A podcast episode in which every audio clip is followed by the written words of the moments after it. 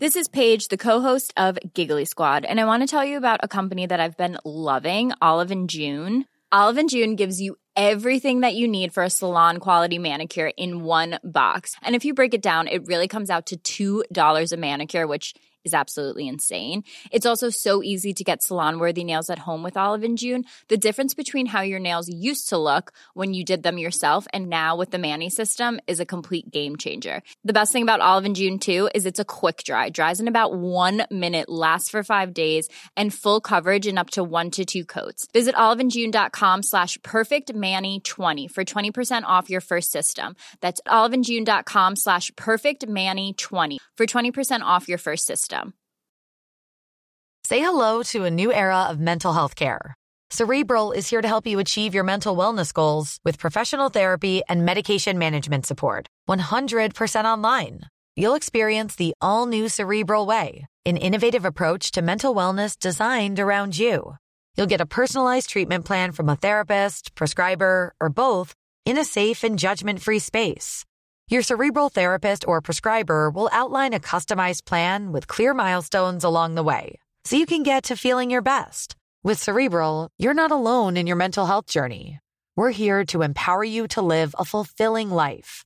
So take that first step towards a brighter future and sign up today at cerebral.com slash podcast and use code ACAST to get 15% off your first month. Offer only valid on monthly plans. Other exclusions may apply. Offer ends July 31st, 2024. See site for details. Nå har jeg akkurat kommet ut av dusjen og skal straks dra på podkastinnspilling. Og jeg er veldig spent. Å snakke om eh, min personlige tro og religion det er noe av det aller skumleste og såreste. Men jeg vil likevel stille opp fordi jeg tror det er viktig å ha en god samtale om religion, og at det ikke er så polarisert sånn som det er i dag. Så jeg gleder meg veldig til å være med, selv om det blir litt skummelt.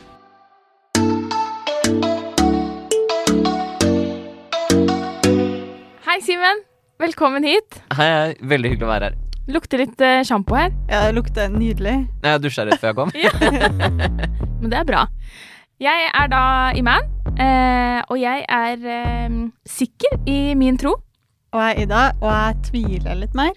Og vi har da denne podkasten hvor vi inviterer eh, gjester hit til oss for å snakke om eh, tro, tvil og eh, alt imellom.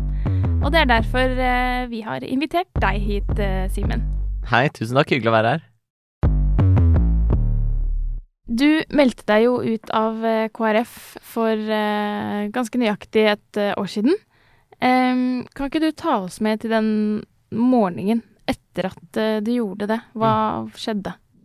Altså, jeg husker den morgenen veldig, veldig godt. Eh, både fordi det var litt sånn rart å våkne opp. Jeg følte nesten at jeg liksom våkna opp til et uh, nytt liv. At det hadde skjedd en stor, for, stor, stor forandring i livet mitt, og så var jeg jo veldig sliten.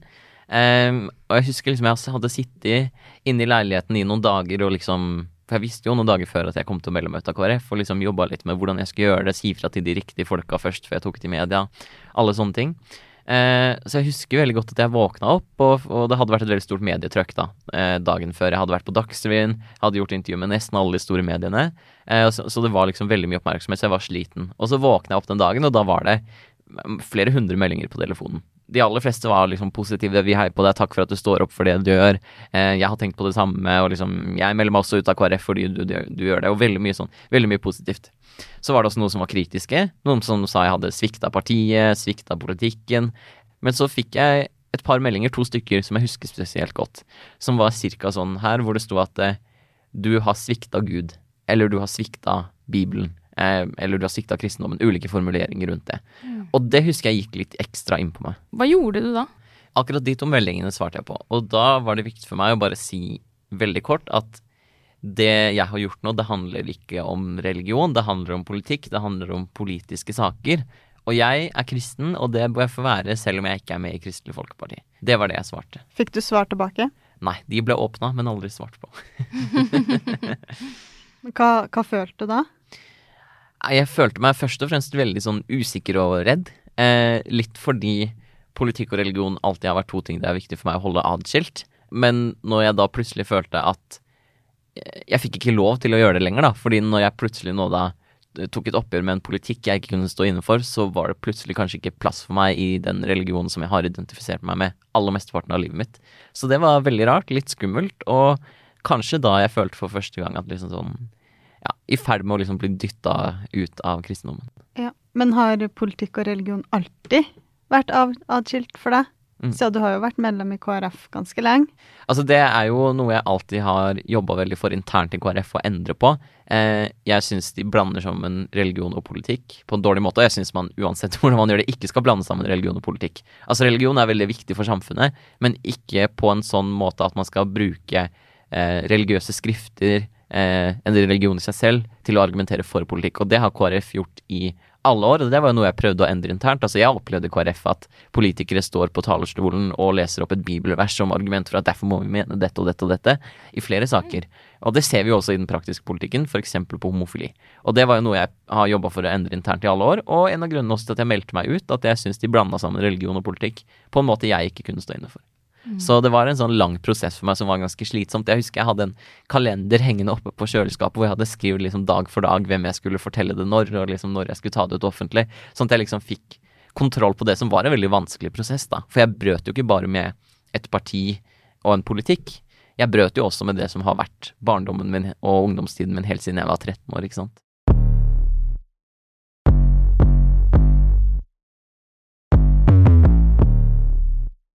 Bestefaren din er jo Kjell Magne Bondevik. Eh, hvordan var det han eh, reagerte? Nei, altså, Han var jo en av de jeg fortalte det noen dager før jeg meldte meg ut av partiet. Eh, så han ble jo ikke noe overraska når han så det på Dagsrevyen.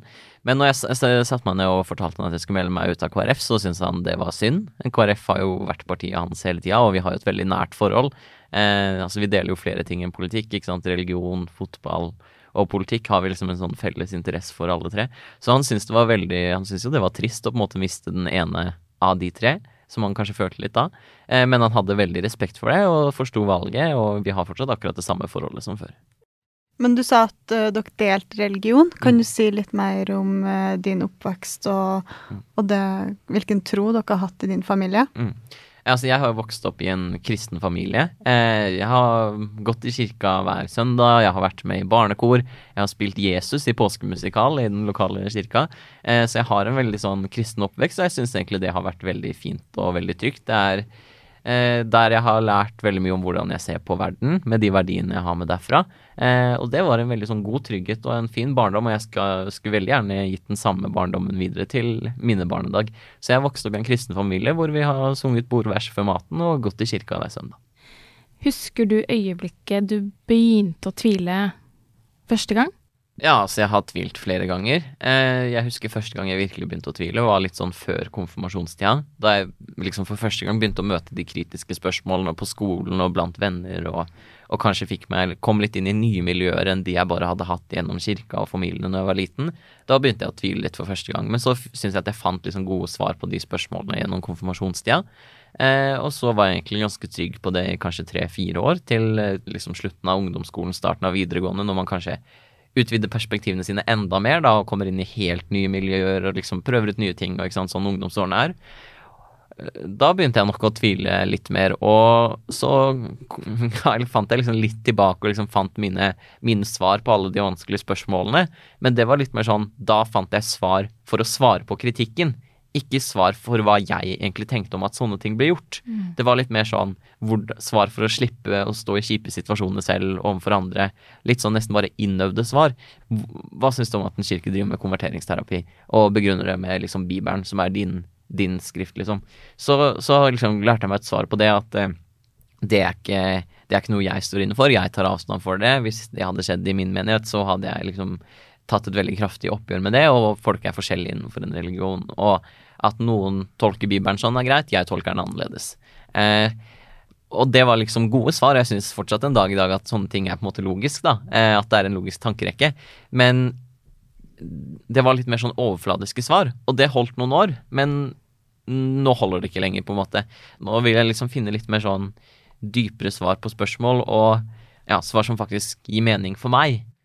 Ida, du nevnte jo um, Du har nevnt at da du var liten, så ba du til Gud, og du ba til Allah. For å være sikker på at uh, mine bønner ble hørt.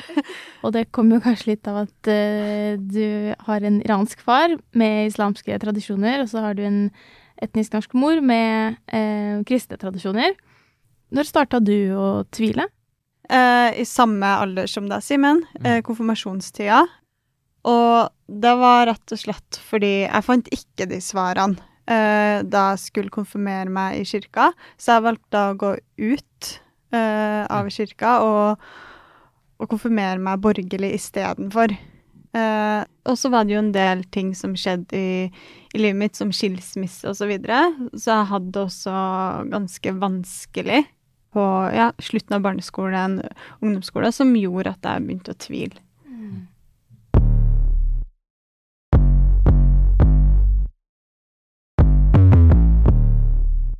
Men i dag, da? I dag så er jeg mer at jeg skulle ønske at jeg kunne kalle meg kristen. Men det er jo noen ting med sånn kristendommen fremstår i dag som jeg syns er vanskelig å identifisere meg med. Eh, nå går jeg stort sett bare i kirka på julaften, eh, og det syns jeg er veldig fint. Eh, jeg opplever at man må ha et visst syn på enkelte ting for å kunne eh, kalle seg kristen.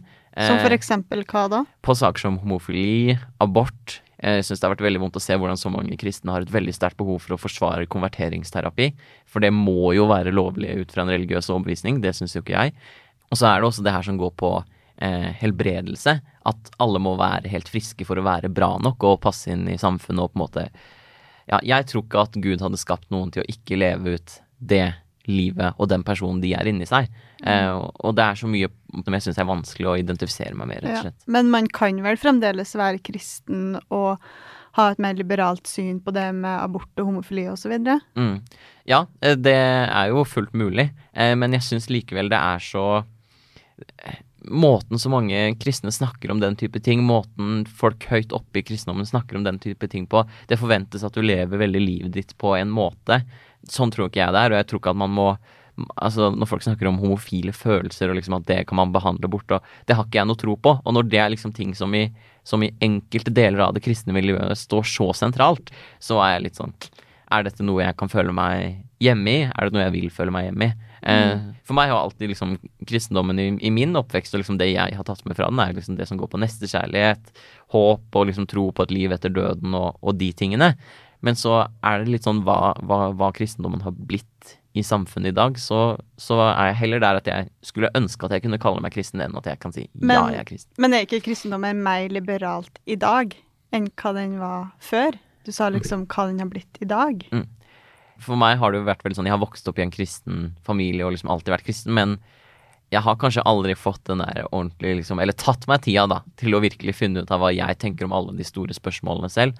Uh, og det er noen sånne store spørsmål der som er, er, er, litt sånn ubesvart for meg fortsatt. Det går på de holdningene som, som jeg har snakka om, liksom abort og homofili og helbredelse og, og, den type ting.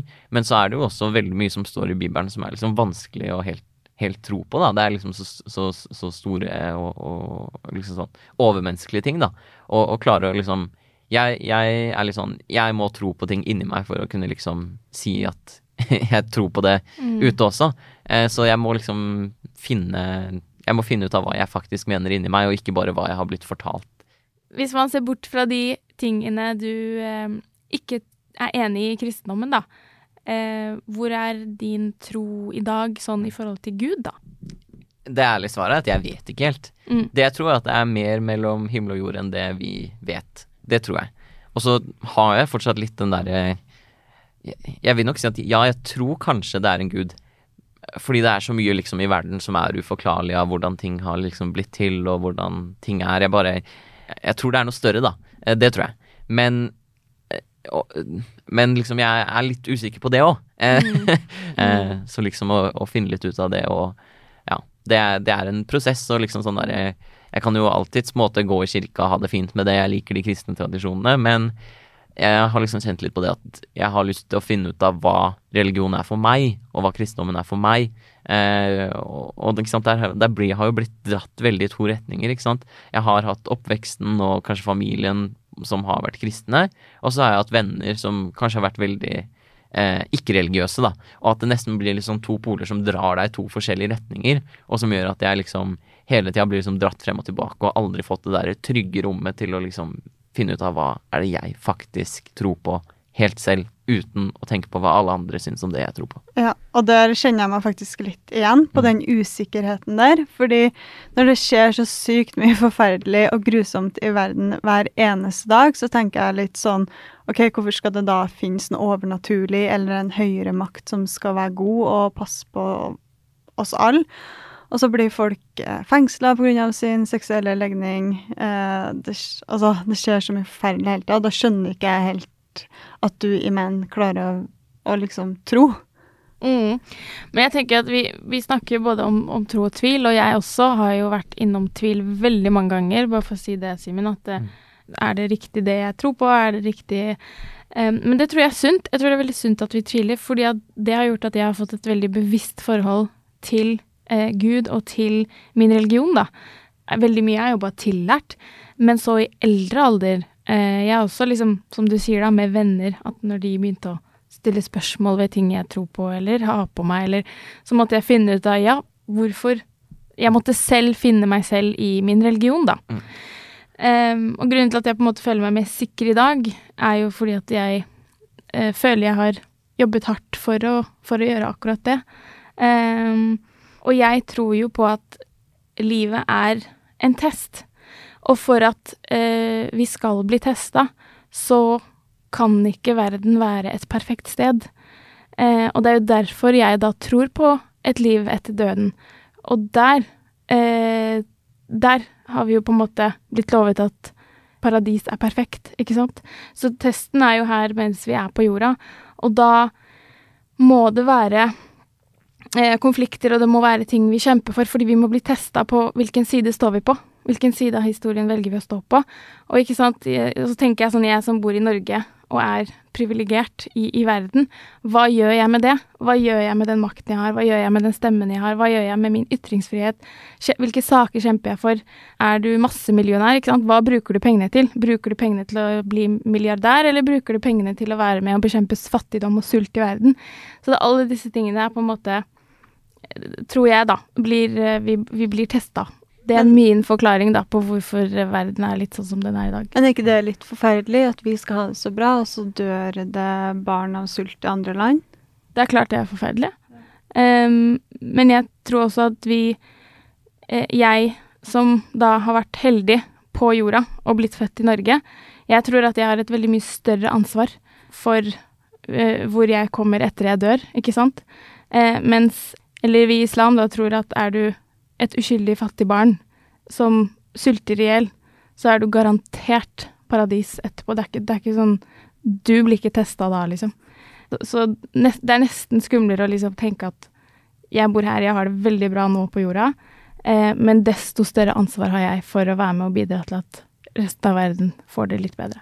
Hva tenker du om det, Simen? Det er veldig interessant. Jeg syns det er liksom det, det, er når det kommer sånn her type spørsmål, da, som jeg selv ville hatt store problemer med å svare på, eh, så er det jo akkurat det som gjør at jeg blir litt sånn Oi, hva er det egentlig jeg tror? Ikke sant? Og spesielt når det kommer spørsmål som Også på enda vanskeligere ting, da, når Altså sånn Gjennom hele, hele, altså, hele videregående, hele ungdomsskolen, så har jo jeg vært den kristne. Og den mm. som er fra en kristen familie, og den som er i Kristelig Folkeparti, ikke sant.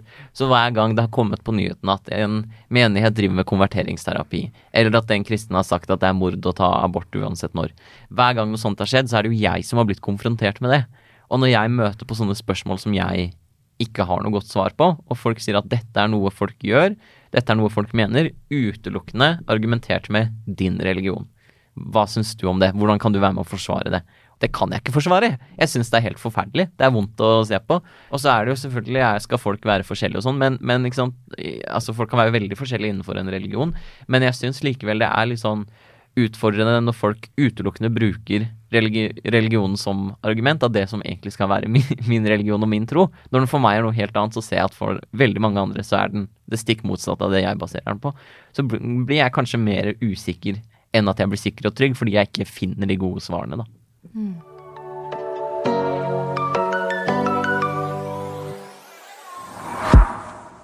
Og da har vi fått inn et spørsmål eh, fra Skam-Steffi på Instagram. Og hun lurer på følger det alltid forventninger med hvis man er religiøs. Ja, stort sett. Eh, at jeg følger i hvert fall mye forventninger blant ikke-religiøse. De fleste av vennene mine som jeg har hatt gjennom ungdomstida eh, og etterpå, er jo ikke-kristne, eh, eller ikke-religiøse i det hele tatt. Folk blir, fordi liksom Det folk har visst om meg, er at jeg heter Bondevik, at jeg er kristen, og at jeg er politiker i KrF. Folk har blitt overrasket når jeg drikker på fest. Folk har blitt overrasket hvis jeg sparker foten i, i veggen og banner. For? Folk blir helt sjokkerte. Eh, så det følger eh, forventninger. Eh, det, og det følger forventninger om at du skal være liksom seriøs. Og jeg er jo glad i å ta en god fest, liksom, og da blir folk overraska over det, f.eks. Er du ikke en saint? Nei. Utrolig nok ikke. Men jeg eh, Ja. Om det alltid følger forventninger Jeg vet ikke. Det, eh, jeg føler i hvert fall på en del forventninger i forhold til det at jeg er eh, altså, synlig muslim, da, og, og åpent religiøs. Ja, si litt mer om det. Um, jeg føler på en måte at vi har blitt til en sånn felles enhet. eh, som bare er sånn at, at man ikke ser på muslimer som individer, og at man ikke ser oss som Altså at det ikke er mangfold i det mangfoldet, da. Ehm, og at jeg, jeg trenger egentlig ikke å stå til ansvar for hva noen andre muslimer gjør, men jeg får Jeg blir stilt til ansvar, og jeg får spørsmål om det. Um, og, og det da føler jeg på en måte at da må jeg synlig liksom vise at jeg uh, At jeg ikke er enig, eller at jeg ikke støtter det, eller ikke står for det, eller Mm. um, Og liksom må, må fysisk ut og liksom si at Nei, selvfølgelig støtter ikke jeg terror, liksom. Det er jo helt sykt at man må ut og si eller mer Altså, selvfølgelig gjør jeg ikke det. Eh, men det får jeg jo spørsmål om. Ikke sant? Det er sånn Ja, støtter du IS? Det er sånn Nei, selvfølgelig gjør jeg ikke det. Er det ikke det utrolig slitsomt å stå i det hele tida? Det er, eh, det er ganske slitsomt. Eh, det er det.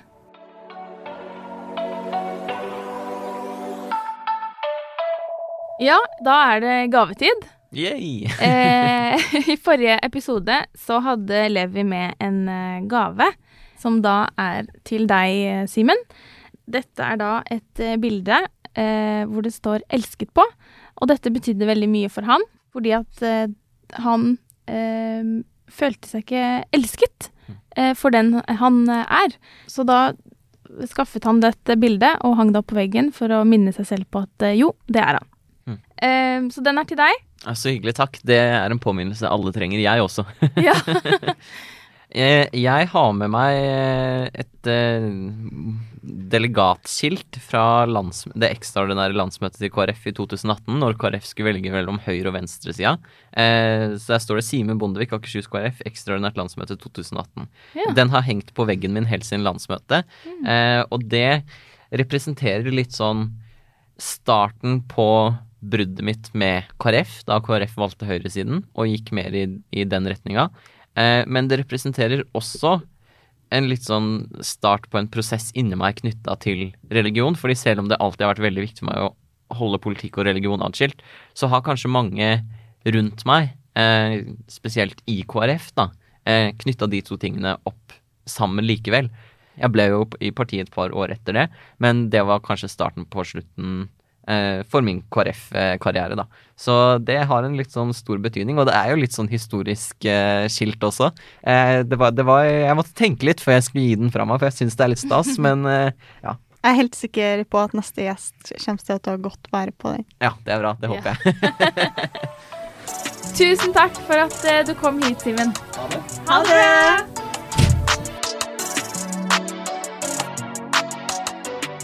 Neste episode kommer onsdag 13. oktober. Produsent er Peter Daatland. På research er det Ingvild Berg. Og ansvarlig redaktør i Aftenposten er Trine Eilertsen. The number one selling product of its kind with over 20 years of research and innovation. Botox Cosmetic, out toxin A, is a prescription medicine used to temporarily make moderate to severe frown lines, crow's feet, and forehead lines look better in adults. Effects of Botox Cosmetic may spread hours to weeks after injection, causing serious symptoms. Alert your doctor right away as difficulty swallowing, speaking, breathing, eye problems, or muscle weakness may be a sign of a life threatening condition. Patients with these conditions before injection are at highest risk. Don't receive Botox Cosmetic if you have a skin infection. Side effects may include allergic reactions, injection site pain, headache, eyebrow and eyelid drooping, and eyelid swelling. Allergic reactions can include rash, welts, asthma symptoms, and dizziness. Tell your doctor about medical history, muscle or nerve conditions including ALS or Lou Gehrig's disease, myasthenia gravis, or Lambert-Eaton syndrome and medications, including botulinum toxins, as these may increase the risk of serious side effects. For full safety information, visit BotoxCosmetic.com or call 877-351-0300. See for yourself at BotoxCosmetic.com.